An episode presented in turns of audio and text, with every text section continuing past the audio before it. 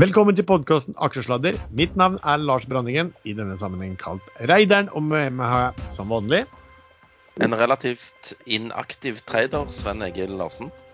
Og så har vi fått med oss en gjest som eh, er populær eh, investor. Eh, velkommen til oss, Eirik Gudmundsen. Hei, hei. Og vi skal herfra kalle deg for Kokken Tor, for det er vel det som er ditt alter ego rundt omkring på um, sosiale medier for investorer, herunder ekstrainvestor. Eh, kan ikke du bare fortelle litt om Kokken Tor? Altså, hva er liksom bakgrunnen for det navnet? Det er sikkert litt uh, tilfeldig. Jeg har i, bunn og grunn kokkefagbrev for uh, som jeg tok en gang i, i tiden. Og så uh, har det blitt mer og mer aksjer og andre ting. Men det har vel litt med at rundt uh, år 2000 jeg begynte å interessere, meg for aksjer etter IT-busten, så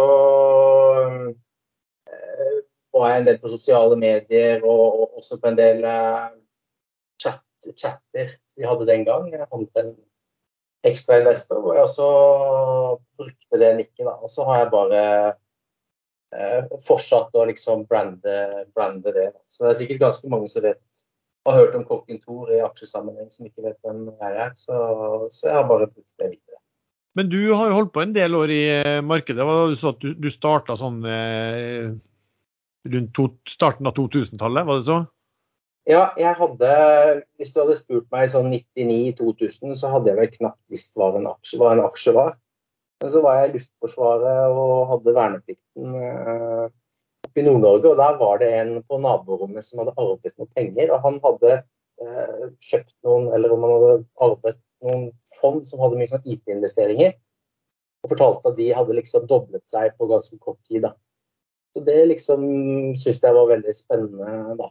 Selv om jeg på en måte Det hadde vel skjedd litt før i tid, og, og når jeg fikk vite om det, så, så, var det vel skikkelig på vei ned. Da. Så da begynte jeg å undersøke litt uh, hva et fond var, og hva som uh, inngikk der. Og gikk på biblioteket oppe i Bardufoss og, og satt og søkte på fond og hvilke aksjer som var i de forskjellige fondene og, og sånn. Og så ble jeg liksom bitt av uh, veldig av basillen og begynte å se på CNBC og å kjøpe aksjer, da. Ja, for du, har du også bodd utenlands en del år, eller? Ja, jeg har også eh, vært i Asia en fem år. Eh, det var i Sør-Amerika da et, et, et halvår så, og lærte meg. Så reiste jeg hjem til Norge. og når jeg har vært hjemme i Norge, så har jeg liksom jobbet ganske hardt. Eh, så sånn basically så jobbet jeg meg opp en sånn 200 000 kroner på, og så var det veldig tøft marked i 2002, så jeg lurer på om jeg ikke sånn, tapte halvparten av de. Jeg lurer på om ikke på bunnen av en uh, bear market der, så lurer på om ikke man kunne kjøpe Apple-aksjer til under cash. Det var i hvert fall veldig mye billige aksjer den gangen, for de som husker tilbake. Det var litt sånn uh, tøft, tøft, marked å starte i, men etter et, et, et, 2002 så gikk det egentlig veldig bra. Da var jeg tilbake i Norge og jobbet en stund som kjøkkensjef på et hotell i, i, Norge. Og så plutselig så Jeg var jo liksom klar over at dette her var drømmen og det jeg ville jobbe med. Så jeg har liksom jobbet veldig hardt i perioder. Og da når jeg var kjøkkensjef der, så plutselig satte jeg noen warrants i forhold til uh, Norsk Hydro, husker jeg. Når det kom melding at de skulle skille ut Yara. Og den gikk opp, så tjente jeg plutselig en uh, årslønn som kokk på en dag. da. Og da ble det liksom Det var liksom dråpen som fant ut at jeg skulle si opp den jobben og gå 100 Jobbet jeg penger og, og så at tradingen funket bra, og så fant jeg at jeg skulle reise til Asia da, for å ha lave kostnader i startup-fasen. Og har skatta til Norge og, og, sånn, men jeg var liksom og reiste og opplevde ting samtidig, så jeg var veldig, veldig seriøs på børsaksjer. Mm. Men hvordan var det med, med tidsforskjellen og sånn? Nei, det var jo Det kommer litt an på om det er sommertid og eller eh, eh, Ja, ikke. Altså, men det var liksom seks eller syv timer forskjell, var det det. Så det var vel sånn når du Oslo eh, closa, så kunne du gå på byen i Bangkok eller, eh, eller hvor det var. Eh, jeg hadde en leilighet i Bangkok, så jeg var mye der. Og så reiste jeg veldig mye rundt. Da, jeg hadde liksom ikke fast opphold der, så jeg måtte jo reise en del. og forhold til visum og sånne ting. da. Før vi kaster oss over på det mer faglige, så må vi jo passe på å ta vår eh, disclaimer før vi sier eh, alt galt. Eh, vi ringer råd dersom du hører på hva vi sier her om marked, aksjer, enkeltaksjer og livet for øvrig, er ansvaret helt og holdent ditt eget. Det kan forekomme feil det vi sier i programmet, og panelet og panelets gjester kan være langt, kort, direkte eller indirekte eksponert i aksjeselskapet og produkter som omtales i programmet. Og vi gir altså ingen anbefalinger. Uh, tok og sjekka før vi gikk inn her, så så jeg bare kjapt på markedet siden eh, forrige uke. Vi hadde um, sending. Eh, hovedindeksen i Oslo ned 1% Nasdaq ned eh, ca. 3% SMP 500 ned 2,2% Dax ned 2,6 eh, Skal vi starte med deg da, Sven, og høre hva du har gjort den uh, siste uken i markedet? Ja, jeg sa jo i innledningen at jeg var inaktiv, og jeg har vært veldig Ja, jeg har gjort veldig lite. Jeg er veldig skeptisk til markedet. Jeg, eh, men det jeg har gjort, jeg har eh, selvfølgelig solgt disse siste lyticsene eh, altfor tidlig. Og jeg solgte Aker Biomarin altfor tidlig. Den, begge de to fikk seg en fin opptur, men så har da falt tilbake. Jeg lurer på hva, egentlig hva som skjedde da, fordi at jeg mistenker det er noen svensker som dro den ganske høyt opp, og så har de nå solgt seg ut igjen. Uh, for det som skjedde, det er disse Verica Pharmaceuticals i USA som da har lisensiert denne her LTX 315-stoffet. Den aksjen falt jo tilbake. Så jeg vet ikke om, om de tolka at de resultatene var Altså, det var ikke nok uh, pasienter og, og, sånne ting. Men, så da, det var bakgrunnen for at jeg solgte. Det var at denne Verica falt tilbake igjen. For den, Du snakka jo om den på fredag, husker jeg. Da hadde den gått litt tidligere i uken ganske kraftig. ja, nei, ja, jeg hadde jo kjøpt på 6,5, og så hadde jeg jo solgt mesteparten på rundt 9,5. Ja. Og så bare gikk han bananas på mandagen. den, gikk, den var oppe i 14,40 på mandag, ser jeg. Ja, og gjett hvor jeg hoppet ut. Cirka der han ligger nå, på 10 blank. Ja. Det er det vanlige. Så nå har den falt, da, fra, nå har den falt ganske klart, da, siden den har falt eh, ja, 6% på tirsdag, 8% på onsdag, 7 i går og et par prosent i dag. Da. Så, ja. Men eh, den Verica Pharmaceuticals den falt fra sånn type 5,5 eh, dollar til nå 4,59. Så jeg tenkte at kanskje det ikke var så veldig bull likevel. Men det kan jo være andre hensyn andre årsaker. Jo, og så um, uh, Når du endelig har funnet gull, vet du, så kommer noen og røver det fra deg. Jeg kjøpte jo disse obligasjonene i Modex. Eh, som eh, gilder tre, må tre, måneders Nibor pluss 7,75 eh, Så det, det, var jo hyggelig rente. Så nå har morselskapet gitt beskjed om at nei, nå har de skaffa bankfinansiering, som jeg kommer til å kåle det lånet på 104,1 i september. Kanskje det var derfor du fikk det billigst? det var noen som Fikk det billig? Nei, jeg måtte jo betale 103,25. Men jeg får jo 104,1 og renter i en måned til. Så jeg skal vel egentlig ikke klage. Eh, kokken, her, hva har du gjort eh, av eh, morsomme ting den siste uken?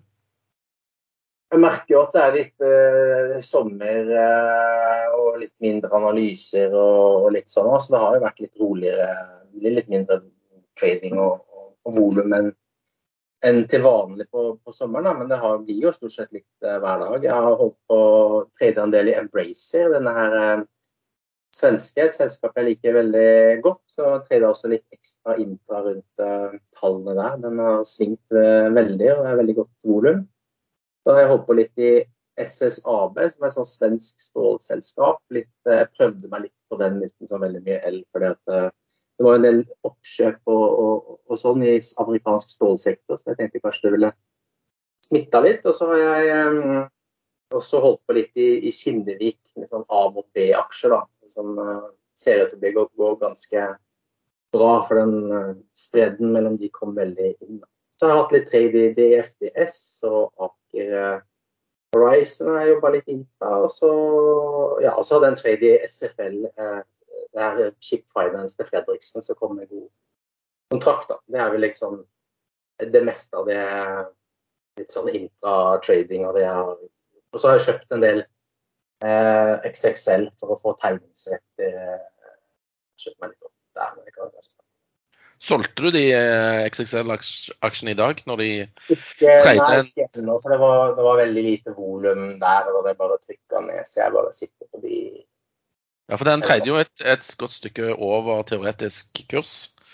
Jeg fant ut teoretisk kurs skulle vært rundt 67 øre.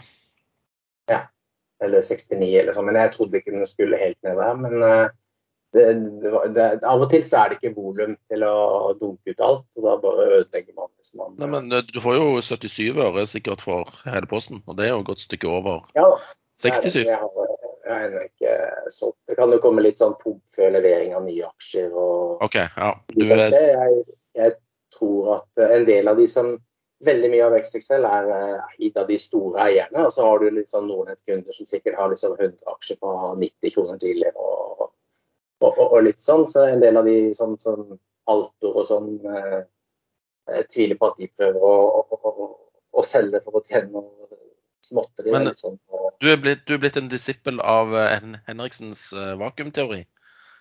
Ja, vi har holdt på mye litt sånn i det samme. F.eks.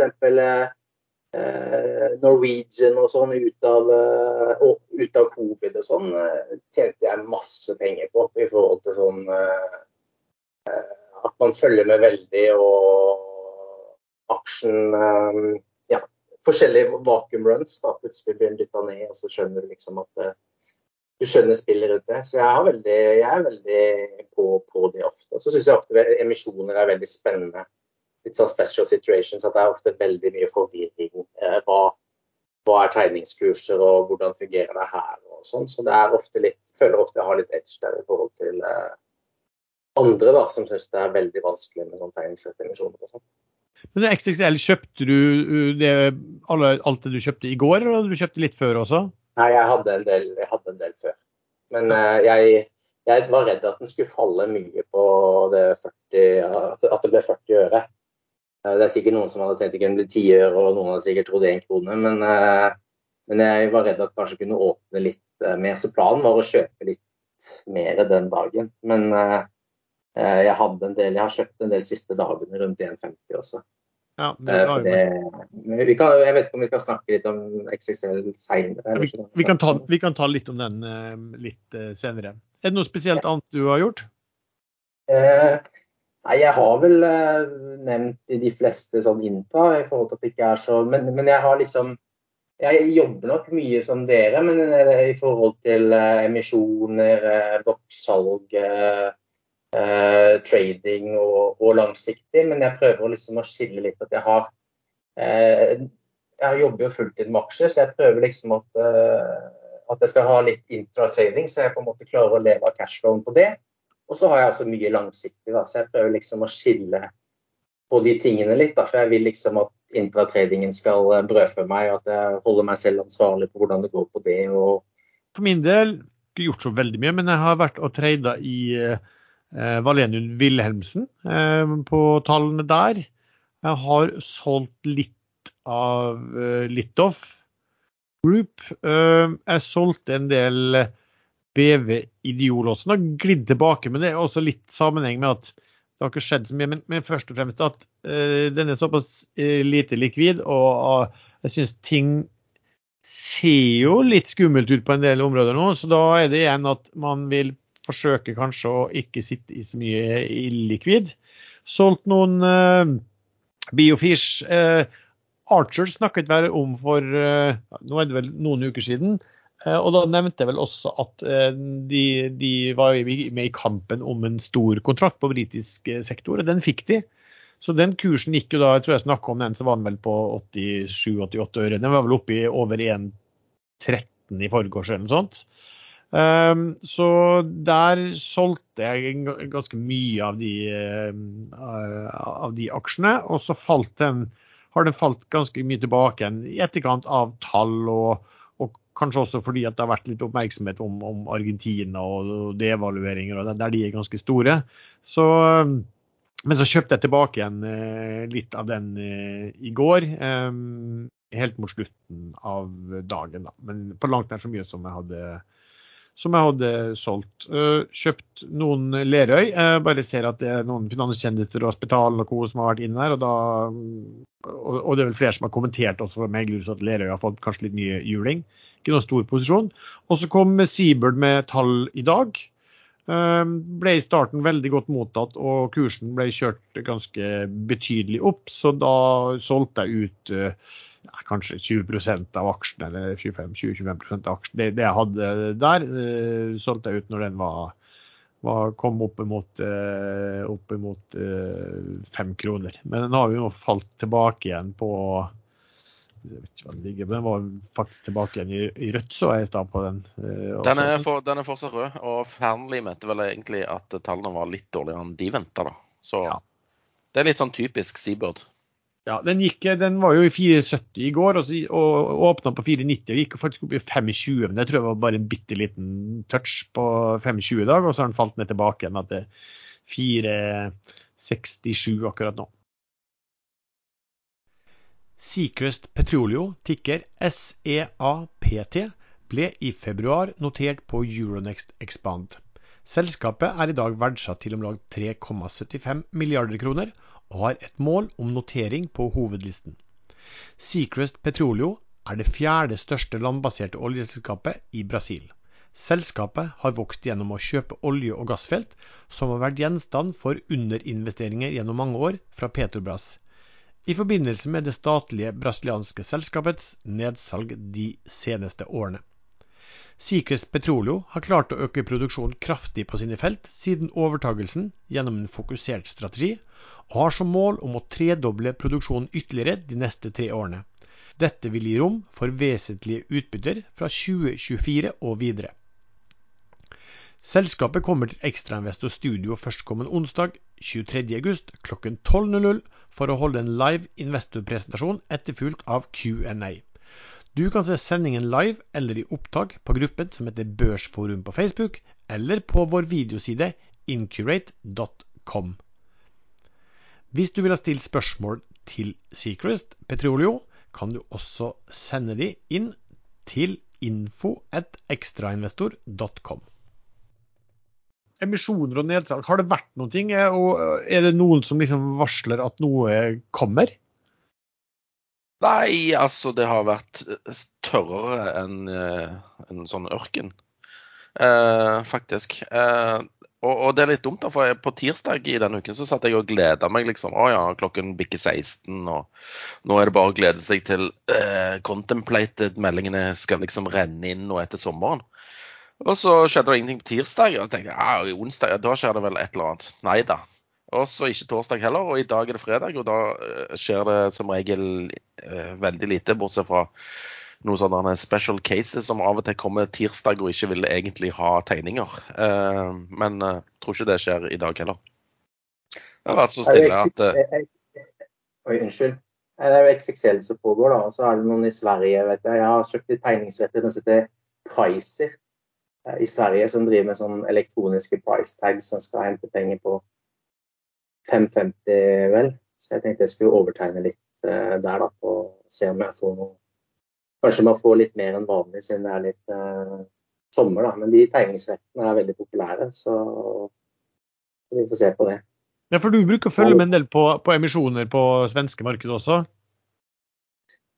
Ja, det, det, virker å være litt et sånn tegningsrettemisjoner der og, og, sånn. Og så legger jeg merke til det i sommer, som sikkert uh, dere har sett, òg, at av og til så er det liksom mange på ferie og og kanskje ikke så mange som eh, tegner så vanlig. Så jeg tenkte kanskje man kunne få litt mer på overtegning. Eh, så jeg tenker at det kan være litt spennende. Hvis det er et, det er et godt selskap underliggende, eh, så, så, kan det være spennende. Og via tegningsretter så kan man jo kjøpe tegningsretter for et litt mindre beløp og, og, og, overtegne så mye man vil. og Man trenger liksom ikke å forplikte seg til 100 000 euro, som er disse proffemisjonene vi ofte også er med, er med da. Så, så, det kan være litt å hente der. Og som jeg sa tidligere, så er det mye forvirring rundt disse emisjonstingene. Så for de som gjør leksen sin og følger med tett, så kan det ofte være muligheter, tenker jeg.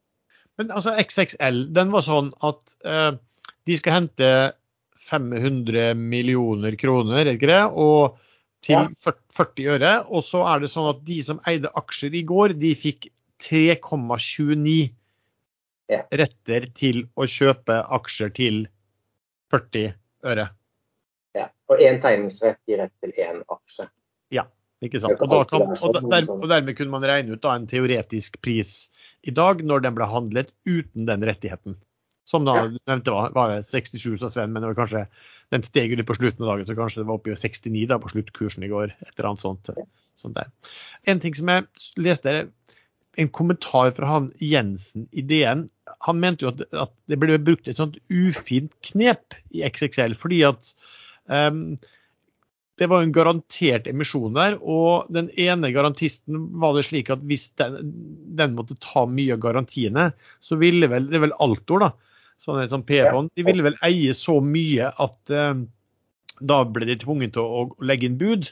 Og det eh, fikset de å unngå det ved at de i så fall heller fikk noen sånn stemmerettsløse B-aksjer da inntil videre. Og, og DN fremhever det som et sånn veldig ufint knep, og sånn kunne vi ikke ha det på børsen. Hva, hva tenker du liksom om, om den måten å gjøre det på, Kåken? Eh, Altor har garantert for 71% av denne emisjonen. Eh, jeg mistenker f.eks. at eh, han Pål Vibe, gamle Euros-prissjefen, har også solgt, eh, solgt aksjer i europris og sikkert skal inn med litt her. Eh, mange av disse her folkene eh, kjenner hverandre litt, som var garantert. Jeg, jeg tror at Altor eh, de har vel kjøpt aksjer Det har jo vært noen emisjoner for ikke så lenge siden i XSL. Uten ikke det var på 370 det var sist, det er muligens. Så jeg tror det som var, det, det som var casen i, i, uh, i DN og det med B-aksjer, at uh, hvis det kommer en drøss med aksjer nå av 40 åre, og de blir tvunget til å kjøpe selskapet for 370 per aksje, så blir jo det helt vilt. Uh, så det har de jo prøvd å unngå. Eh, men jeg har en tanke med XXL. Dette er et selskap som har vært drevet dårlig i mange år og liksom mistet litt seg selv.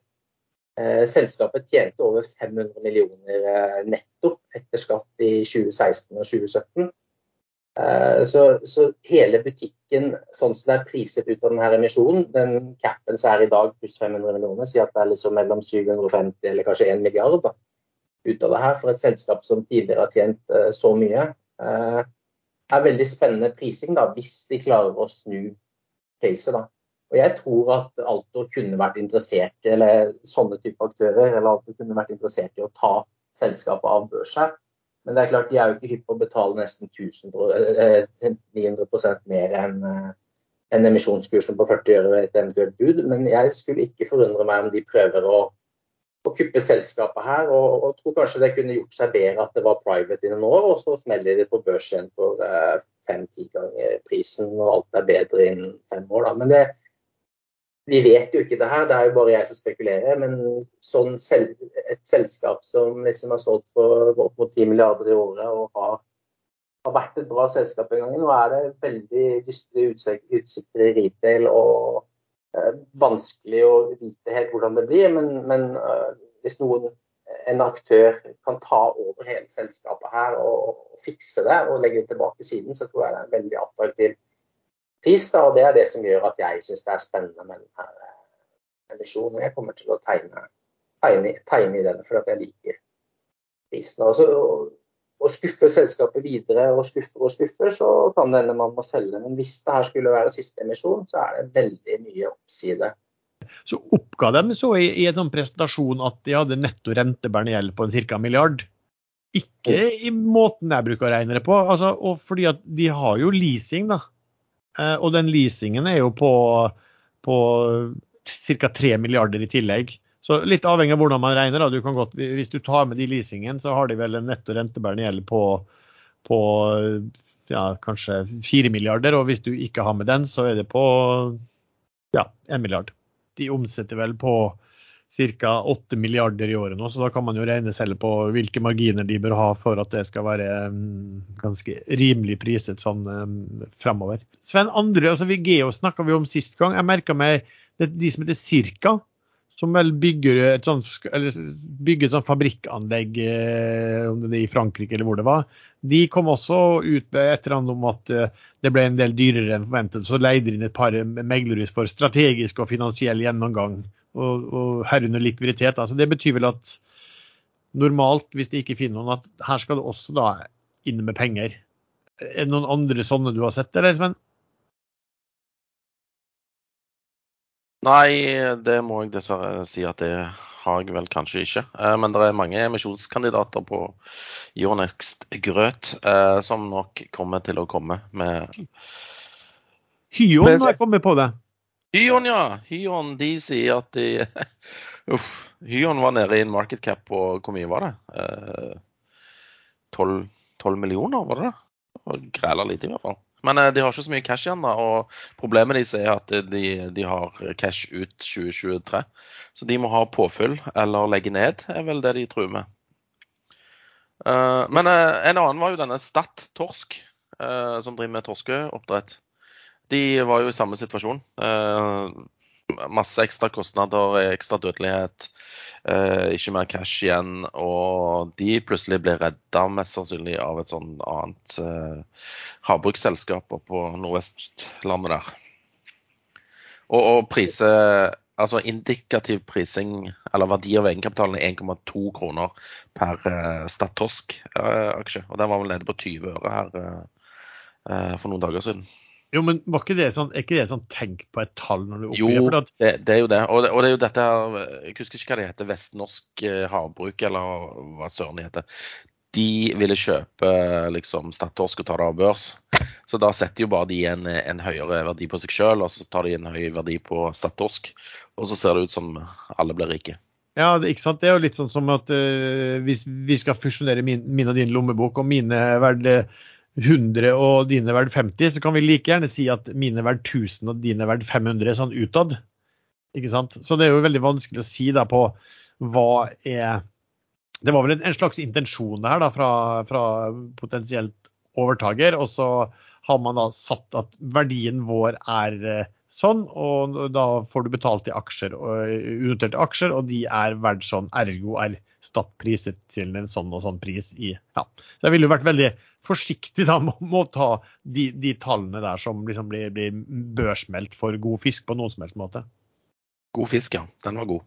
Det er jo veldig mange sånne selskaper på Euronext Growth da, som egentlig var nesten i venture-stadiet og ble eh, dyttet på børs eh, fordi at det var eh, ubegrenset med penger der ute. Og eh, meglerhusene ville tjener godt. Så, så jo, nå ser vi jo det, at det er kun de beste som eh, folk er villige til å, å støtte om, opp om videre. Så, så, det er jo veldig utfordrende for mange av de her. Og, og vi, vi, tre er jo, vurderer jo en del sånne emisjoner og er med i litt sånne hofting, men du skal virkelig gjøre leksen din og passe på hva du spytter inn i Eh, nå i hvert fall du ikke ender opp med 100 eh, 000 euro i et eller annet eh, eh, sånn, da, hvor pengene ja, så Nesten businessmodellen til er å trykke aksjer, liksom. Så de, de, må finne på noe virkelig lurt hvis de skal overleve framover, sånn som det ser ut nå.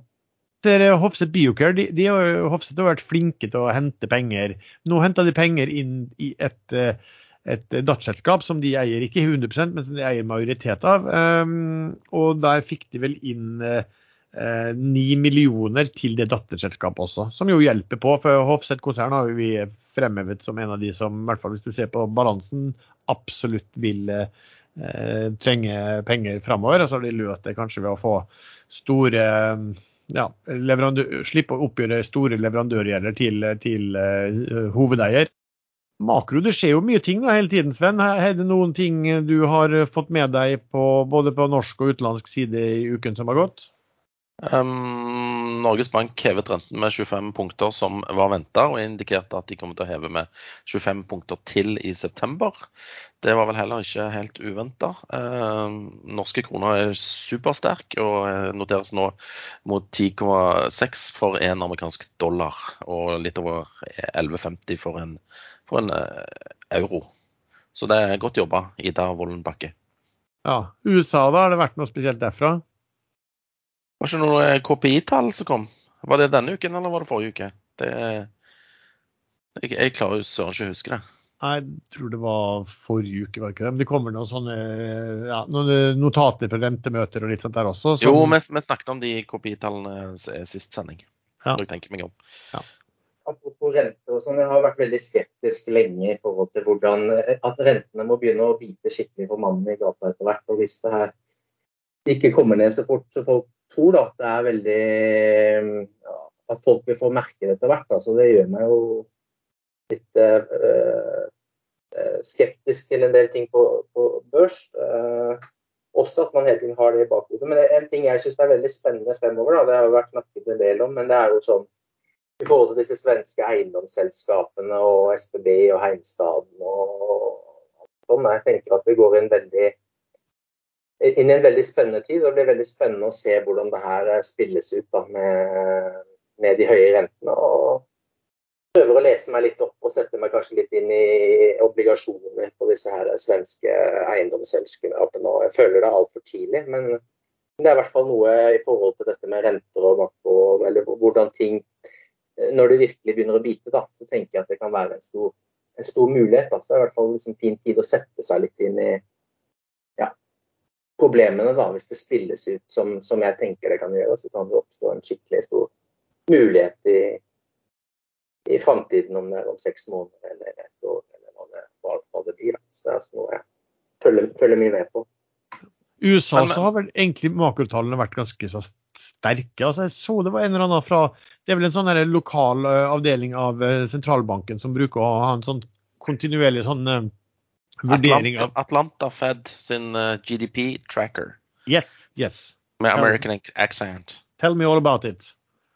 Nei, var, De oppjusterer forventa bruttonasjonalproduktvekst ganske kraftig. Eh, men dette har du nettopp lest, og jeg husker ikke tallene. Jeg bare så at de oppjusterte. Jeg mente at de snakker om 5 sånn som de så Ja, jeg skjønte ingenting. Helt, altså, skjer da? Knall, knallgod Nei, altså du, du, ser hva som skjer. altså hva er Tiåringen i USA nå er på fire Ja, nå falt han litt, men var over 34 uker. Ja, han var 34 i går. Nå er han 422. Ja, også den rente, den obligasjonen, altså tipsobligasjonen, det, som betyr, altså, som en sånn, det er også en, der du er sikret noe inflasjon. Inflasjonssikret obligasjon. Den har vel steget ganske kraftig i løpet av kort tid også. Den var over 1,8 nettopp. Det, så høyt har den visst ikke vært på, på, på, på veldig lenge. Siden finanskrisen, tror jeg det var. Ja, ikke sant. Og jeg så også nå at eh, boliglånsrenten i USA var nå tilbake igjen på over 7% men som det, er ingen, det, er jo ingen, som vil refinansiere, så folk Nei. blir bare boende. Det er jo veldig vanskelig å forstå at eh, rentene har liksom falt fra 20-15 til eh, på 80-tallet til eh, minusrenter enkelte steder i, i, verden, på en måte. Og all gjeld og verdistigningen i eiendom det har medført. At det liksom skal blåse over. da, så Selv om liksom enkelte makrotall virker gode og, og sånn, da, så så er det vanskelig å forstå at ikke det her skal bli mye, mye verre. Men på børs så må man på en måte planlegge for alt og prøve å gjøre det bra uansett hva som skjer. Ikke færre får bastant. Men, men, man har jo det i bakhodet at eh, hvordan, hvordan, henger det her sammen? Liksom? Kan, blir ikke hangoveren større enn dette? Liksom? Det, det er vanskelig å forstå, syns jeg. Men makroen, Vi snakka en del episoder om Kina som makro. Det, altså de, de, tallene de som har kommet i den siste uken, her, har også bare vært altså, riktig svakt. Det er, vel, det, det, er vel, det er vel der man bør ha noen uro, da, Sven? Jeg er kjemperedd for Kina. Uh, men det har jo vært lenge, så jeg, jeg vet ikke om det er berettiget eller ikke. Men uh, nå, um, nå, Gode gamle Evergrande, dette eiendomsselskapet, de feila for chapter 15, eh, bankruptcy protection i USA, i går. Eh, men de, feil, altså, de feila ikke for liksom, eh, konkurs for hele selskapet. Det var kun for å, å beskytte disse US-dollar-denominerte obligasjonene som de har utstedt. Så de skal prøve å restrukturere dette selskapet. Og så har du dette Country Garden, eller jeg, tror det var det det heter. de er så Altså, De er så positivt lada, disse selskapsnavnene. At, uh, det, det Kinesiske selskap som heter det, liksom? Ja, ja. Happy Valley uh, Property, liksom. Det er bare, bare velstand og lykke. Men det, nå, det, nå har de havna i ulykker, uh, sånn at de mista jo kupongbetaling på to obligasjonslån i forrige uke. Og uttalte at det var knytta stor usikkerhet til om de klarte å betale disse rentene. De har 30 en 30 dagers grace-periode på å, å, gjøre disse betalingene. Skjer ikke dette her, så eh, Disse er jo fire ganger større enn Evergrande, så jeg vet da søren hva som kommer til å skje der. Men, og, og, Kina, der venter vi jo på masse stimuli, og børsene, eller eh, politikerne har i dag sagt at de skulle eh, redusere transaksjonskostnader på Beijing eh, Stock Exchange og det, Shenzhen og, og Hongkong. Så jeg vet ikke hva de holder på med. Men det har ikke kommet noen store stimulipakker ennå, for å si det mildt. De kutta vel no, no, visse typer renter med veldig lite. Altså, forsto jeg vel at det var noen som mente jeg leste et eller annet om at de begynte å intervenere litt nå for å, for å sørge for at valutaen ikke ble så svekket. Det vil si... Ja, så det, skjer jo et eller annet i Kina, og det virker ikke som det er så veldig bra, det som skjer. Nei. Og det kan jo få eh, effekt på eh, verdensøkonomien. Kanskje kineserne fant ut at det ikke var vits å bygge en ny by in the middle of nowhere, og så bare jevne den med jorden etterpå uh, seinere når ingen ville bo der. Det virker jo som det er utrolig mye uproduktive investeringer, eller uh, kanskje de bygger et eller annet eh, sånn magnettog til uh, 100 trilliarder, og så er det lite passasjerer. De, de, det virker som de, de, de de, er økonomisk fornuftig også. Virker som de eh, lager masse elbiler for tiden. Ja, det det virker som, altså, er vel at eh, det er vel litt mer uro i befolkningen. Jeg Så det sto på sosiale medier at de måtte gå inn, for folk var liksom litt altså, skeptiske. Det hadde vel, var ikke så lenge siden det var nesten altså, demonstrasjoner. Og, og en sånn stor, veldig stor ungdomsledighet. Og jeg mente at det sto også at det var vel sånn at de, de skulle slutte å rapportere denne ungdomsledigheten også eh, nå. Eh, og, og, da er jo alltid sånn spørsmål at OK, du er, du er diktator, du begynner å få uro i befolkningen. Eh, hvordan sørger du for å få det ro? Da, da ble jeg alltid litt sånn eh, urolig for OK, finne en ytre fiende. OK, let's do it. Vi, vi, vi tar tilbake eh, Taiwan, og så har vi alle disse arbeidsledige ungdommene. Da har vi endelig jobb til de også. Eh, høres det far-fetched ut? Det er vel noe Henriksen kunne uh, funnet på å si i sine velmaktsdager. Jeg, jeg, håper, jeg, håper og tenker uh, for, uh, for, menneskets skyld at, si at kanskje kineserne lærer litt av russerne i Ukraina. på en måte, At, at det sånt, å, å, gå sånn inn kan være vanskeligere enn de hadde tenkt. Da, og ser at Putins situasjon ikke er så lett. Da. Så, så jeg, jeg tenker kanskje at det Eh, at de ser prisen for noe sånt, da er, større enn hva de hadde kanskje tenkt før, før Russland. Da. Jeg tror nok rent militært at eh, det er ikke noe problem for Kina å, å ta over den øya eh, Taiwan. Altså. Jeg, jeg, tenker, jeg, tenker, ikke på det militære, jeg tenker på konsekvensene i forhold til hvordan verden har samlet seg rundt Ukraina. og hvordan liksom at, at før så har en liksom en, en bølle eller noen kunne eh, gjøre ting da, uten at det får konsekvenser. Men denne gangen så har liksom eh, Vesten sagt eh, klarere ifra, da. Men, men er, det, er, det, liksom, er det makromessige? Jeg synes jeg hører begge to dere er, høres litt, litt sånn urolig ut. Er det, er, liksom, er det makrotall, og er det, er det liksom Kina man eh, du er redd for, Kokken? Jeg trodde, nei, men Sikkert jeg som andre trodde at Kina skulle være litt mer sånn som andre land ut av covid, men det har vært litt annerledes. så Det har vi jo liksom slitt med litt på oljeaksjene, oljepris og kanskje litt på det, og metaller, og at det er liksom ikke åpnet opp så mye. Men, men, det jeg er redd for, er på en måte de tingene kanskje ikke vi helt ser ennå. Det jeg snakker i forhold til rentene fra 80-tallet som har falt og falt og falt. og det er liksom snakker med folk nå. Det er så mange som liksom tror at f.eks. eiendom går aldri ned, og du får husleie. og Det er liksom, det er så mange som har tjent penger på det. Det har vært så lett. så Derfor tenker de liksom at det, det ikke kan være dårlig i framtiden. Men de tar ikke nok høyde for at, at dette er pga. at rentene har falt i, i, så mange år. Og hvis den på en måte nå har snudd, så er, Folk er ikke vant til det. Og hvis det her blir tøft, og det på en måte ikke slutter å være tøft, og det blir mer tøft, så må mannen i gata få det etter hvert. Og det, det, gjør meg skeptisk. Og det har det egentlig gjort lenge òg. Men man må prøve å tjene penger og, og trade og gjøre lure ting. Men det ligger hele tiden i bakhodet at uh, jeg forstår ikke hvordan det ennå går så bra, for å si det sånn. I chatten vår og i samfunnet ellers er det mange som klager over dårlige innskuddsrenter i bankene. Jeg har selv fått tips fra en bekjent om å sjekke ut fixrate, og fant denne tjenesten interessant. Det var enkelt å registrere seg, og rentene fra bankene som annonserer på fixrate sin markedsplass, er veldig attraktive. Det følgende er en annonsetekst. Med fixrate kan du tjene massevis hvert år på å flytte kapital til en bank med mye bedre rente. På fixrate får holdingselskap og bedrifter eksklusiv tilgang til rentetilbud fra over 60 banker. Fixrate gir oversikt over prisene i markedet, og du kan se hvor mye kapital hver bank etterspør. Du registrerer enkelt din bedrift, og dermed kan du plassere penger i bankene som annonserer. Det er fullt mulig å plassere innskudd på flere ulike rentetilbud.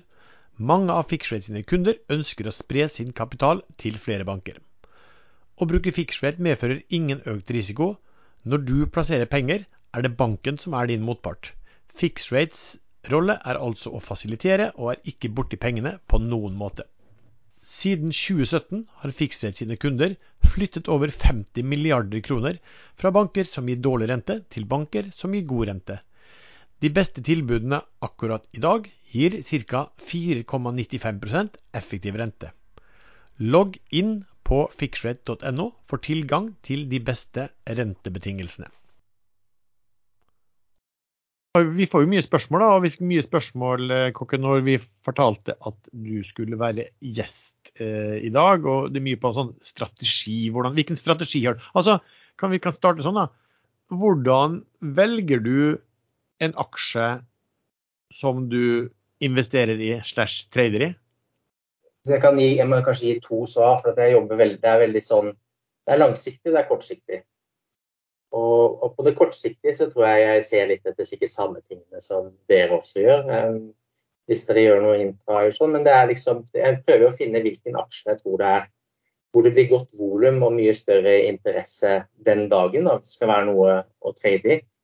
Det kan jo være analyser eller resultater. Nå er jeg ikke spesielt god på å trade resultater. det, det, det, svinger ofte.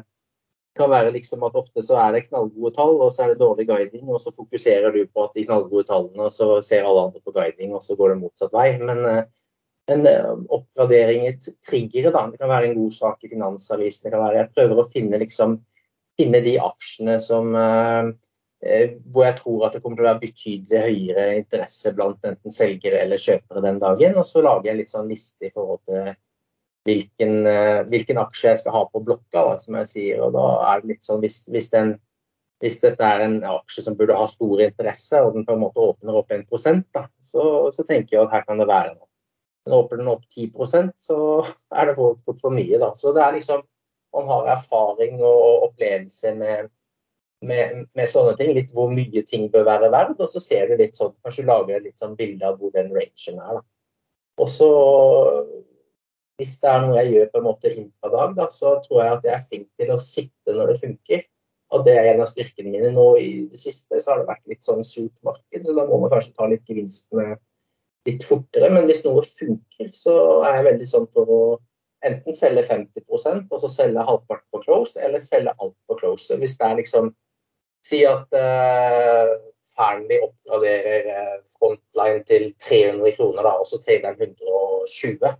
Og så før lå de på 220. Nå ser man og tenker man i dag så kommer det å være flere kjøpere der enn det var i går.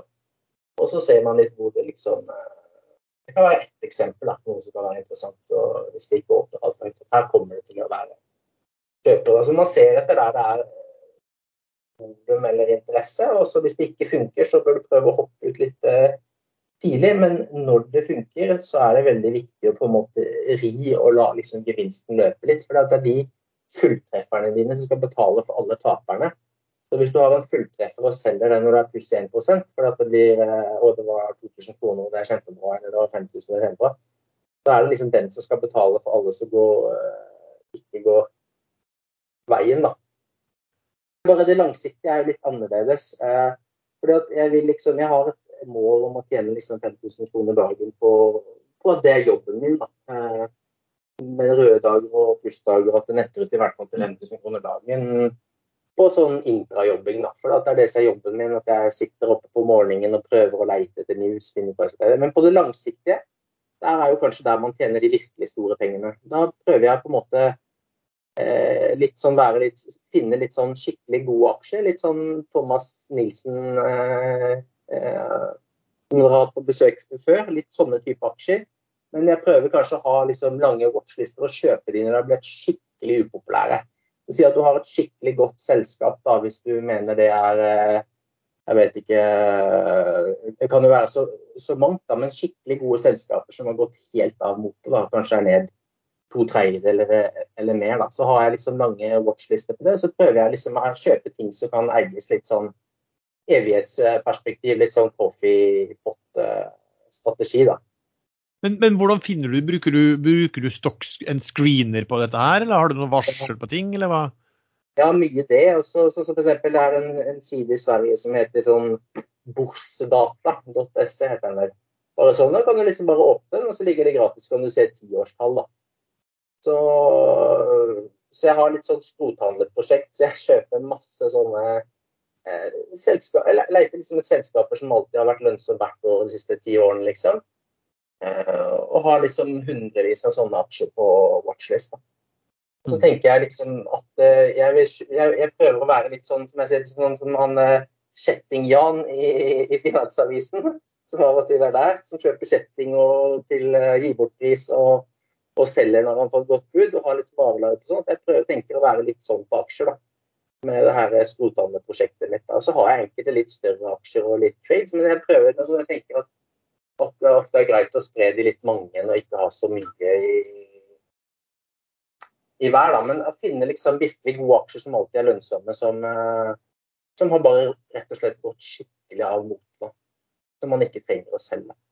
Sånn litt lærdom fra finanskrisen og sånne ting er at eh, i finanskrisen så kjøpte jeg ofte litt sånn de svakere kandidatene. og Da var det sånn Norwegian Property hadde emisjon og ble utvannet. Og på eh, ti år etter, i etterkant så hadde den kanskje gått 100-200% Men hadde du kjøpt sterkeste i sektoren, Olav Thon, så hadde du kanskje tjent 1000 da, uten at det eh, så, så kjøpe de sterkeste aksjene, da. Som, ikke, som klarer å funde seg selv. og har man litt, sprer de litt mange, mange sånne, så slipper man det der stresset at eh, at man taper for mye på én og kanskje selger på feil tidspunkt. For da er det liksom ikke så mye spill. En ting er jo tradingbiten, men hvis du kaller det de, de, de er litt lang på, da, som du kan si investere i. Har du, ja. når, når, du kjøper, har du allerede da gjort det noe sånn Har du noen klar exit-strategi? Egentlig ikke. Men det jeg, det jeg, har lyst til å si til folk, er at jeg syns at folk burde bli mye flinkere på trailing stop loss. Og at vi ofte de føler liksom at aksjen skal være verdt det, og når, den, når, de har begynt å tjene litt gode penger på noe, så blir de litt flaue, og så selger de, så tenker jeg så flink jeg var. Men jeg har kjøpt, jeg har kjøpt AMD, eh, jeg vet ikke om den er på rundt 130 dollar eller et eller annet, jeg kjøpte den tidligere for 3 dollar. ikke sant? Så du, du, du, du, får noen sånne på en lang eh, karriere at du Og kan jo, det, det, kan jo godt hende at jeg ikke skulle sitte så lenge og det bare var en trade eller sånn, men men ofte så Hvis jeg kjøper litt lite i, en, i et, godt selskap, da, så, så, er det litt lettere å ikke selge. For da er det ikke så mye penger i, i utgangspunktet. Og hvis du plutselig har mange hundre prosent i et eller annet, så, så blir det jo litt gøy å se på prosenten òg. Og, og, kanskje ikke selge. da. Så jeg tror det er det ofte folk gjør feil hvis de kjøper aksjer av bedre kvalitet. Og, og eh, Derfor jeg nevner det her som coffee-pot-investing, som er litt sånn å kjøpe aksjer og så grave de ned i hagen og så ta de fram om 20 år. Liksom eh, ikke, ikke, selge, da. Eh, i, i, gode selskaper, for da vet du aldri hvem som liksom står for all avkastningen. For da har du litt i Amazon der, så er det plutselig verdt 90% av porteføljen, mens mange av de andre gjorde ingenting. da. En siste tips til folk. da, hvis de, hvis de har en veldig god aksje, de har veldig mye avkastning i, undersøk trailing stop loss. Sett det på det. Si at uh, du lager deg en plan, da, og du har en aksje sånn ja, Si sånn som uh, Hva het Vov før? Det her uh, som lager sånn uh, Skana Nei, hva heter det nå? Scanship i sin tid. Scanship, ja. Ikke sant? Det var jo 1-2 kroner. Ikke sant? Hvis man la, har en sånn aksje, da, og så gikk den vel til den i 15, den gikk, gikk til 30, jeg har ikke noen charts opp men den gikk jo veldig høyt. ikke sant? Det var tusenvis av prosent. Eh, så har du en sånn aksje. Det er nesten umulig å vite når du skal selge eller få med seg en sånn ride. da. Men hadde du hatt den, da, og så sier du jeg skal selge når den eh, faller f.eks. 30% under eh, forrige høyd, eller under høyd, da. da har du på en måte, Det kan godt hende at du hadde blitt tatt ut på den veien, da. men har du en sånn plan, eller du skal selge når den er 40% fra høyen, og så går den til to, så skal du liksom ja, 30, Hvis den går under eh, hva blir det for noe, 1,40 eller et eller annet, At under der så du liksom hele tiden flytter den oppover, så har man i hvert fall en sjanse til å være med. Eller, eller f.eks. at du sier at jeg kan selge 50% men når den har gått 100% men da skal jeg holde de siste 50% no matter what, hvis det er et vekstselskap. Det er litt sånne strategier. liksom, Ikke selg alt, da. Selg litt. hvis det er, Men bare forstå at vinnerne dine er de som kan gjøre deg stinking rich, da, hvis du virkelig får det til. Sven, to spørsmål til deg. Det ene er bruker du trailing stop-loss? Og det andre jeg tror jeg aldri har spurt deg før, bruker du en stock-screener i det vanlige? Eh, nei. Eh, svaret på begge spørsmålene er nei. Da. nei. Din SL, den tar du etter gefühlen, eller så? Ja, den tar jeg på gefühlen. Ja, men det, det, men det, går jo når du følger såpass tett med. da. Hvis du ikke hadde kunnet følge så tett med, hadde du da bare lagt hadde du da, tror du hadde brukt Trailing stop loss eh, tror jeg er en bra ting for folk som ikke følger så godt med. Det er jo akkurat den eh, strategien kokken beskrev nå, med f.eks. I, i denne her Scanship eller Wow. At eh, gjør du på den måten, ja, du kan bli tatt ut, men eh, du taper i hvert fall ikke penger. Dockscreener det bruker jeg faktisk begynt å bruke det litt mer i det siste, fordi at jeg vil bredde meg litt fra det norske markedet og se litt kanskje spesielt da på ja, Sverige. Ja, men, ja for det, det, finnes ikke noen gode stockscreenere for uh, Oslo Børs, så vidt jeg har fått med meg. Nei, altså børsdata er vel den som Jeg bruker den altså Borsdata da, som børsdata, den svenske. Den, eh, den jeg har begynt å bruke også, som um, funker bra. Men det finnes jo andre typer også. Um, sånn sett. Men, men det, det, greie er at du, du, du, vil jo gjerne ha en sammenligning, ikke, ikke bare i, i, Norge, men altså med likeartede selskap i samme bransje, uansett hvor de måtte være notert. ikke sant? Det er litt der også. Jo, men jeg, jeg føler mer sånn Stockscreener er mer sånn going concern-selskap som er solide og, og, og liksom uh, gir utbytter og går med store overskudd. Jeg, er ikke i sånne selskaper. Jeg er jo i mer sånn special, special cases. Ja, Men du kan, du kan sånn som jeg har gjort, også ta ut en liste for eksempel, på alle de som uh, har falt så og så mye, eller de som prises til uh, så og så lavt i forhold til, til bok. Eh, da vet du i hvert fall at eh, hvis det er lavt nok, så vet du i hvert fall at det, det er et eller annet rart der som foregår. og kan, det, kan for eksempel, det kan jo være en mulighet der. Hvem, hvem vet, liksom. Jeg husker den gangen der, eh, når, når, folk trodde at Aker Philadelphia Shipper var det samme som å ha kreft, som en sånn kjent investor sa. Den ble prisa den gangen til 0, hvis jeg husker riktig, til 5% av bokført verdi den gangen. Og, da, og, det var akkurat rett før da det, det tok av den shale-industrien i, i, USA som gjorde at de måtte bygge produkttankers på, på, det verftet. Da. Men, ja. Jeg eide jo alle aksjene nesten da, og det er jo nesten ingen free float. Så hva aksjekursen var den gangen er nesten urelevant, for det er jo liksom han som har bestemt alt. Så det, det var jo på en måte litt sikkerhet i det den gangen. at både den og den American Shipping, det var jo liksom veldig liten float. Ja, jeg, jeg ser, men, men, det har jeg sett også på en del sånne aksjer som har som, hatt og vært litt sånn eh, gitt helt opp. Hvis de ofte har, hvis de har hatt en ganske sånn stor eier, så har de kommet noe voldsomt også. fordi at eh, da har Når kursen har begynt å gå, så har det ikke vært så mange som eh, aksjer i free float. og Det betyr at heller ikke, da har det heller ikke vært så mange som kunne, som kunne selge på oppgangen. De, Nei, Det var litt poenget mitt med å nevne det der med floaten på den, for det var, det var jo så lite. Eh, så sagt, hvorfor skal Røkke, som allerede eier eh, hvis han eier 90, eller 85 i noe, hvorfor skal han gidde å ha en emisjon på 10 øre? liksom, få, eller Det er liksom det er liksom uvesentlig hva den trader for, for at han eier nesten alt allerede. da. Så jeg bare tenker man har i bakhodet, man har på en måte litt beskyttelse i det. og Det tenker jeg gjorde disse her selskapene der veldig interessante den gangen. da. Jeg hadde også aksjer og fulgte med, med der. da. Siden du nevnte Aker og alt der, så skal jeg bare touche inn på en som jeg bare registrerte i dag. Eh, snakket jo om bare sånn litt hvordan man kunne eh, regne og tenke om Aker Horizons i forrige, i forrige episode. Nå ser jeg den er ned, da, ned 6 i dag. Den er på, eh, på 5,20 akkurat nå. Der er jo Aker Capital, altså Aker eier jo da 67 Så det er jo et sånt, et sånt selskap med eh, ganske så lav eh, free float, da, men den er helt out of favor. og Jeg vet ikke om det er riktig, men det var vel en som er større trader som eier slash eide ganske mye aksjer i Aker Horizon, som, som mente at det var i, i, dag at det var en eh, større post kanskje i det selskapet som letet etter en uh, eier, og at det kunne ligge til grunn for at da uh, at du da fikk, fikk dagens kursfall. Da. Men, men, men hva, hva, hva, lager du liksom hvis du tjener en million på børsen? For å Hva jeg lager? Jeg, det er jo mye som er godt. Kanskje eller godt, og fasan er godt. Og det er fasan? fasan aldri, aldri det er litt sånn feit, feit fugl, vet du. Så det er uh, de går i, i, gresset i Danmark, og så går det en sånn pinne, og så er det, er litt lignende and, men litt bedre, litt mer smak.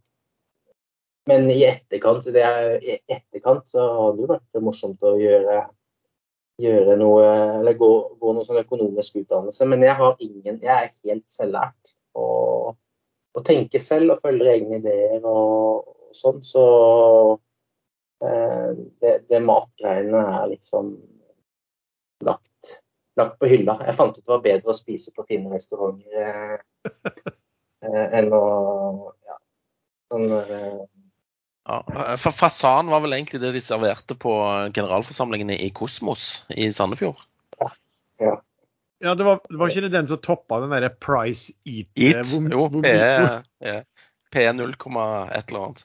Ja, syns du burde, Den syns jeg burde vært gjen, gjen, gjeninnført. Ja, rart at ingen liksom finner på noe sånt.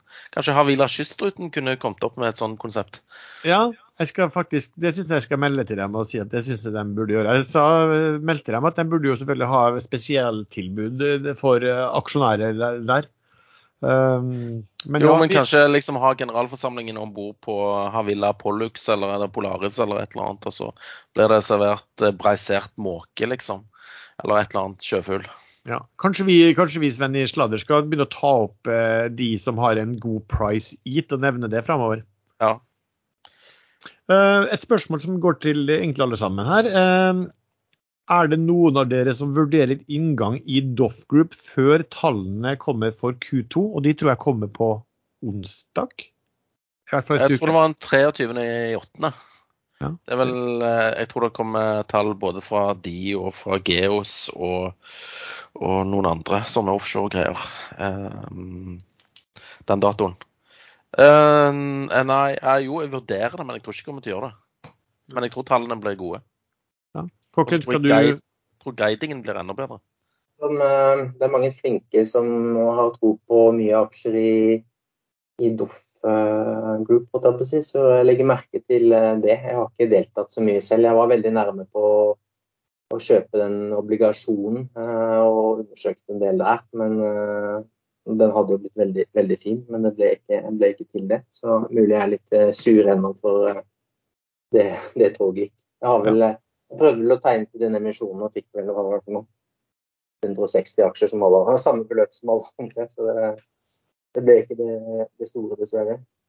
Fra han som stilte spørsmål, så vurderer jeg ikke det, siden jeg allerede sitter på aksjer der. Sannsynligvis sitter jeg med de over Q2, men uh, hvem vet? altså Caset mitt var jo egentlig den derre at det ble litt mente kanskje ble litt feilpriset da, i forhold til det indikerte budet fra Subsea 7. Det har jo på en måte litt, litt, sånn, litt, spilt seg ut, og derfor har jeg redusert en del også.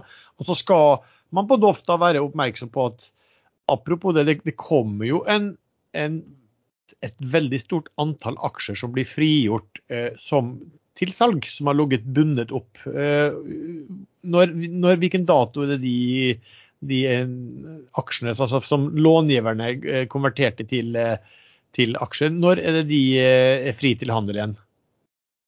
Det har ikke jeg lyst til å opplyse om, i og med at jeg har sånne B-aksjer sjøl. Jeg har ca. 16 000 B-aksjer. Som en eller annen gang i oktober blir gjort tilgjengelig for salg. Ja, Så man er et par måneder unna det. Og en ting var at de ikke ville selge aksjer i IPO-en på 28 kroner. Noe annet er om de begynner å bli mer frista når den kursen står på 2,43. 50. 50. Jeg kan 50 i begynnelsen av oktober. Apropos sånn Doff og Supply og den, den slags, da. Så jeg er jo ganske ny i forhold til det her med obligasjoner, men jeg syns det er ganske spennende. Så en av de siste jeg prøvde å kjøpe, eller kjøpte litt i, var den der Havi 07, er det den heter. Som eh, skal bli til Havi-aksje en gang i, i, tiden. Da. Jeg vet ikke helt hvordan det blir, men jeg, jeg ser jo at både Doff og, og Siof og en del av disse her obligasjonene har blitt virkelig hyggelig i, i, i ettertid i forhold til hva man kunne kjøpt obligasjonene for. Så Eh, det er jo en god stund til de Havi-aksjene kommer. Men uh, hvis det går bra for den bransjen der, da, så tenker jeg jo kanskje at den er litt spennende å se på. Ja. Jeg tror forresten med Doff så tror jeg nok at du kommer til å se en del meglerhus som, som, kommer til å kjøre på det caset og, og gjerne vil ha kursen litt opp eh, før disse aksjene kommer. Fordi at man vil posisjonere seg for å få oppdrag med å gjøre nedsalg også, bare som man er. For uh, to dager siden så kom ABG Sundal Collier ut med sine topp picks, uh, og uh, Doff G var blant de. Annet spørsmål til kokken, eller to.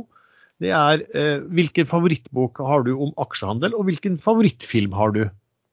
Ja, boken så blir det 'Reminiscences of a Stock Operator' med Jesse Livermore. Jeg vet ikke hvor mange ganger jeg har hørt den og hørt lydboken, og sånn, sikkert 20 ganger ligge på stranda et eller annet sted og lese det. Det er jo en historie fra gamle dager om en av verdens mest eh, legendeoppspunne tradere. Han, han, endte vel opp med å ta livet sitt til slutt, og tapte og tjente mange formuer. Og han hadde vel et sånn snev av spillegalskap, men uh, utrolig nyttig i forhold til kortsiktig spekulasjon. Uh, og veldig mye sånn ting man plukker opp der, i hvert fall når man har lest den mange ganger i forhold til hvordan å ikke selge for tidlig, hvordan ting liksom ikke forandrer seg. Hvordan, ja, så den er utrolig eh, god. Det er én. Og så litt i forhold til litt sånn um, coffee-pott-greier som jeg sa tidligere, ikke å selge og sånn. Uh, og, og sitte og ri lenge. Det er en som heter 100 Bagger. Det er, to, det er to, sånne bø bøker, tror jeg, men uh, jeg tror det er en av de. Uh, som er litt sånn på aksjer som har gått 100-gangeren. Uh, det er litt sånn så, jeg vet ikke, Monster Beverage er vel en, en sånn som har gått ganske nylig. Men det er liksom Klarer man å få én 100 bagger i porteføljen, så en aksjen som går 100 ganger, si, så, så, har man gjort mye bra. Da. Så det er litt sånn der på å ikke selge for tidlig og, og sitte og ri. Så begge de er, er morsomme. så har du to, da. Det er sikkert jeg har sikkert flere tips hvis noen spør meg på Twitter eller sånn. Det er mye, mye bra lesestoff om uh, børs. Og så spurte du om film. Det er jo gøy med sånn Wall Street og, og, og sånn, da. Eh, med sånne type film.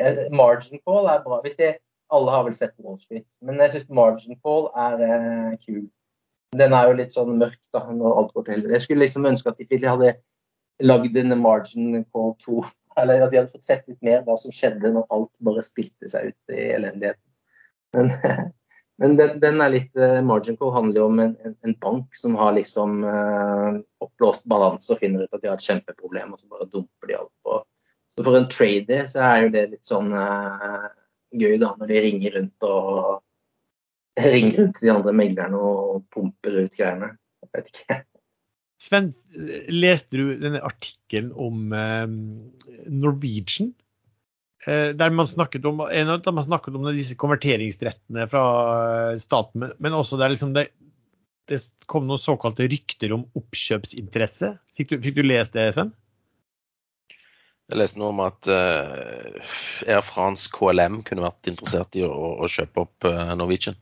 Og så tenkte jeg bare åh, han igjen, liksom. Og så lurte jeg på om det kom fra en spansk nyhetsaviskilde. Uh, Men jeg gadd ikke bry meg. Jeg tror bare det er tull. Jeg tror ikke norske myndigheter vil la Norwegian bli kjøpt opp, fordi at Norwegian er jo blitt veldig viktig for norsk infrastruktur. Og i hvert fall hvis de får kjøpe Eh, videre.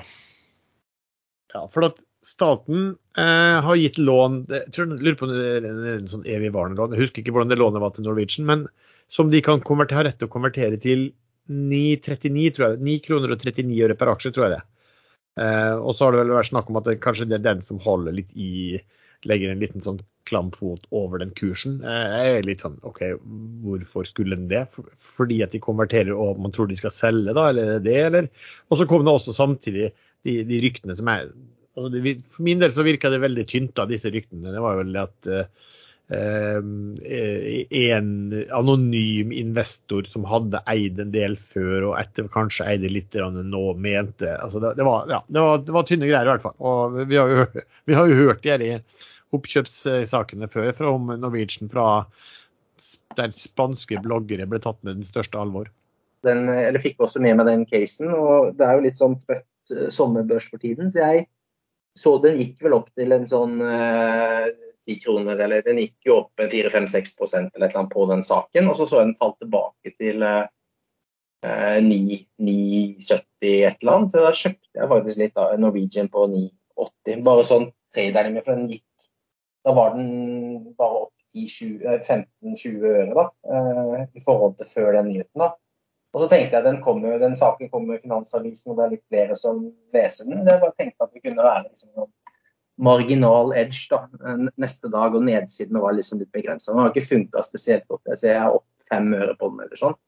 Men det er jo litt sånn man kanskje tenker, det tror jeg dere også tenker hvis du leser en eller annen sak. da. Litt sånn hvor er den, kan det være noe i det, kan det være det var vel en annen sak, eh, en, en eller annen fyr som har kjøpt og trada en del Norwegian i det siste, eller sånn før i Finansavisen, var det ikke også det? Det var en annen sak i pressen òg. Det var litt sånn skriverier om Norwegian. Da. Så jeg tenker jo kanskje at det, det, kan være noe som stimulerer til litt mer interesse. da. Og så er jeg, liksom, jeg er marginalt i pluss på dager som har vært litt sure, egentlig. Så jeg tror på en måte at det kanskje er verdt en prosent eller to, da. Den, eh, den, den saken, da. Det er litt sånn man tenker kortsiktig. Er du enig, Lars? Ja, ja, jeg er enig i det. Altså, det, det for å si sånn, altså, Oppmerksomheten den, den, er jo, den, er jo, mer god for aksjekursen enn dårlig, selvfølgelig. Selv om det ikke trenger å være så mye i det, og det virker ikke å være veldig mye. Det. kanskje mer interessant er at når jeg ser på aksjonærlisten, er jo at eh, tror jeg, økte den, som kom i dag, at Fredriksen sitt selskap øker litt, eh, som er største eier fra før, eh, øker litt. Eh, men jeg er usikker på million aksjer igjen i dag. Han har vel økt flere det siste. Det, det også spiller inn som positivt. Ja, men det, det du aldri vet, er jo at det kan jo være aksjer han har lånt ut da, eh, til, til shorting før og som får levert tilbake. Sånn, det, det, vet man aldri helt når man ser på, på den, den type lister.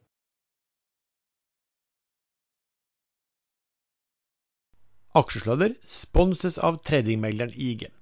På IG kan du trade på over 17 000 markeder, og dermed selvsagt trade fra et stort antall underliggende aksjer i en rekke land. På IG sin plattform får du også informasjon om den enkelte aksje, der du kan se chart, ferske nyheter relevant for aksjen, kundesentimentet til aksjen, handelsaktivitet, finansielle nøkkeltall, historiske og fremtidige hendelser og fundamentale forhold. God informasjon som hjelper deg i din beslutning. Åpn en konto kostnadsfritt på ig.com, eller last ned IG-appen i dag. Men husk at all trading involverer høy risiko. Skal vi eh, avrunde som vanlig da, med å, å, ta om vi har noen favoritter eller noe spesielt å være obs på i uken som kommer? Skal vi starte med deg, Sven? Ja, det kan vi godt. Eh, det blir en gammel kjenning fra, fra min side. Det, Eh, det blir ehm, eh, et selskap som har fått alle sine fire båter i havn. Altså Havila Kystruten har nå endelig fått eh, alle båtene sine opp fra Tyrkia. Og i, to av de ligger i Bergen, og to er vel i operasjon. Jeg forventer litt positiv nyhetsflow fra de framover.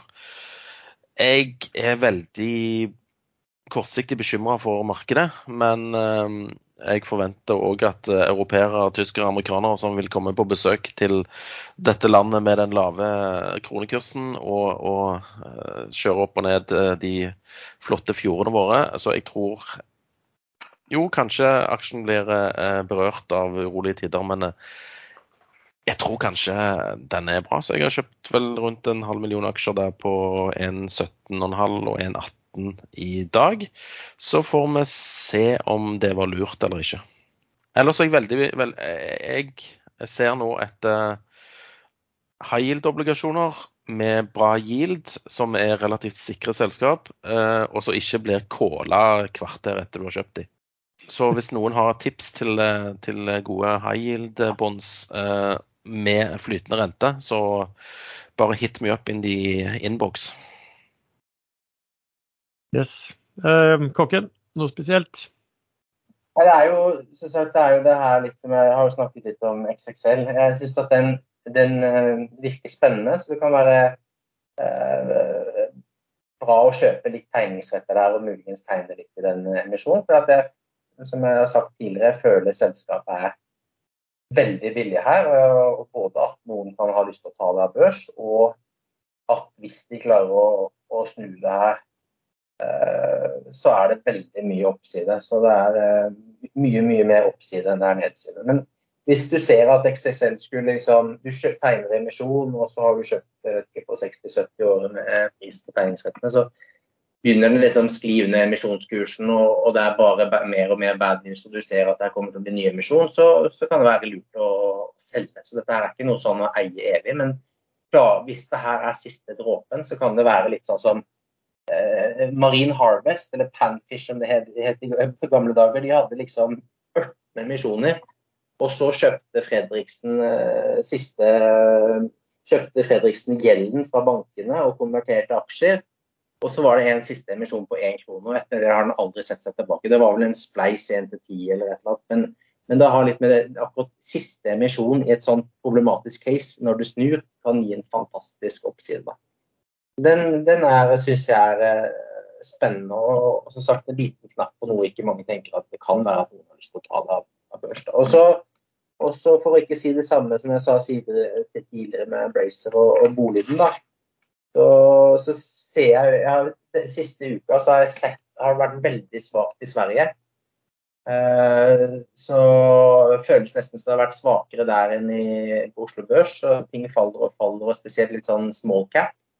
Og, men en sånn aksje som f.eks. som uh, Sinch. Uh, jeg har bare litt aksjer. Det er ikke noe sånn jeg har posisjonert meg veldig, men det er ikke lenge siden det var i 30, og nå er den nede i, i, 23. Da. Så jeg ville fulgt med litt i Sverige på de, de OK-aksjene, om det kan komme en, eh, en rekyl. Da. Sett litt i helgen på, på hvilke aksjer som det kan være eh, BHG, det kan være Sinch, det kan være Nå er jo Embracer kommet litt opp, men det, kan være, eller samme SSAB eller Boliden eller det, det, det er mye billig i Sverige nå, virker det. Altså, så hvis det kommer en rekyl, så tror jeg det går enda mer, mer der, da, uten at jeg har alle de jeg nevnte nå. Da. Men det er noe å ha, ha i, i bakhodet. Og så er jeg Edvard Havila kystruten. Jeg syns det er en uh, jeg, jeg, liker også den. Jeg solg, fikk jo veldig mye emisjoner og solgte uh, noe av det, også fordi det var et veldig svakt marked. Men jeg har aksjer igjen. og det, Jeg tenker jo at snart kommer det sikkert en analyse, og den tipper jeg blir et kursmål godt over det hvor den trader i dag. Kanskje to-tre kroner hvis man er Kommer teoretisk komme den analysen når som helst nå, for det er vel en måneds tid etter emisjonen ja. de har frist? Det, var, det, glemte jeg, det glemte jeg også å si, at det var en av grunnene til at jeg eh, valgte den nå. Tipper Fearnley, som var tilrettelegger, kommer med kursmål 250 eller et eller annet sånt sykt. Men det caset er bare litt sånn, bare sånn kjapt at det er, det er, nyere båter, mye nyere enn konkurrenter, bedre i forhold til miljø. Norskekysten er fantastisk flott. Det er veldig billig norske kroner. Det branner og får varmt i Europa. Jeg tror at det kommer til å være mange som opplever at det er et veldig fint produkt. Så. Og at det blir populært. Og det, det, minner meg veldig om i gamle dager når Hurtigruten hadde en emisjon på én og eh, klarte å snu det. Og litt seinere kom Fredriksen, nei, kom Trygve Hegnar inn på rundt tre kroner. Og den aksjen så seg vel aldri tilbake før, eh, før den ble kjøpt opp av det fondet, og, og gjorde den også knallbra helt til korona virkelig tok den. Så jeg tror at det er på en måte det er bevist at det går an å, å gjøre det bra da, med et sånn type produkt i Norge. og Det tror jeg Hurtigruten også, uh, Havila Kystruten også vil uh, få til. Da, og At uh, aksjen kan uh, doble seg eller gå 200 på, på, på noen år. da. OK.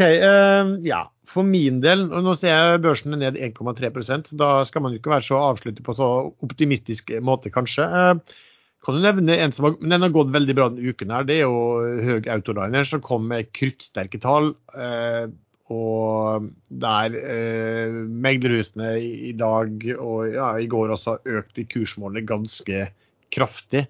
Eh, jeg tror det laveste, Den ligger på 74, og jeg tror det laveste kursmålet så var 95 og opp til 130. og De ligger jo gjerne over 100, godt over 100 kroner. de de eh, fleste av dem.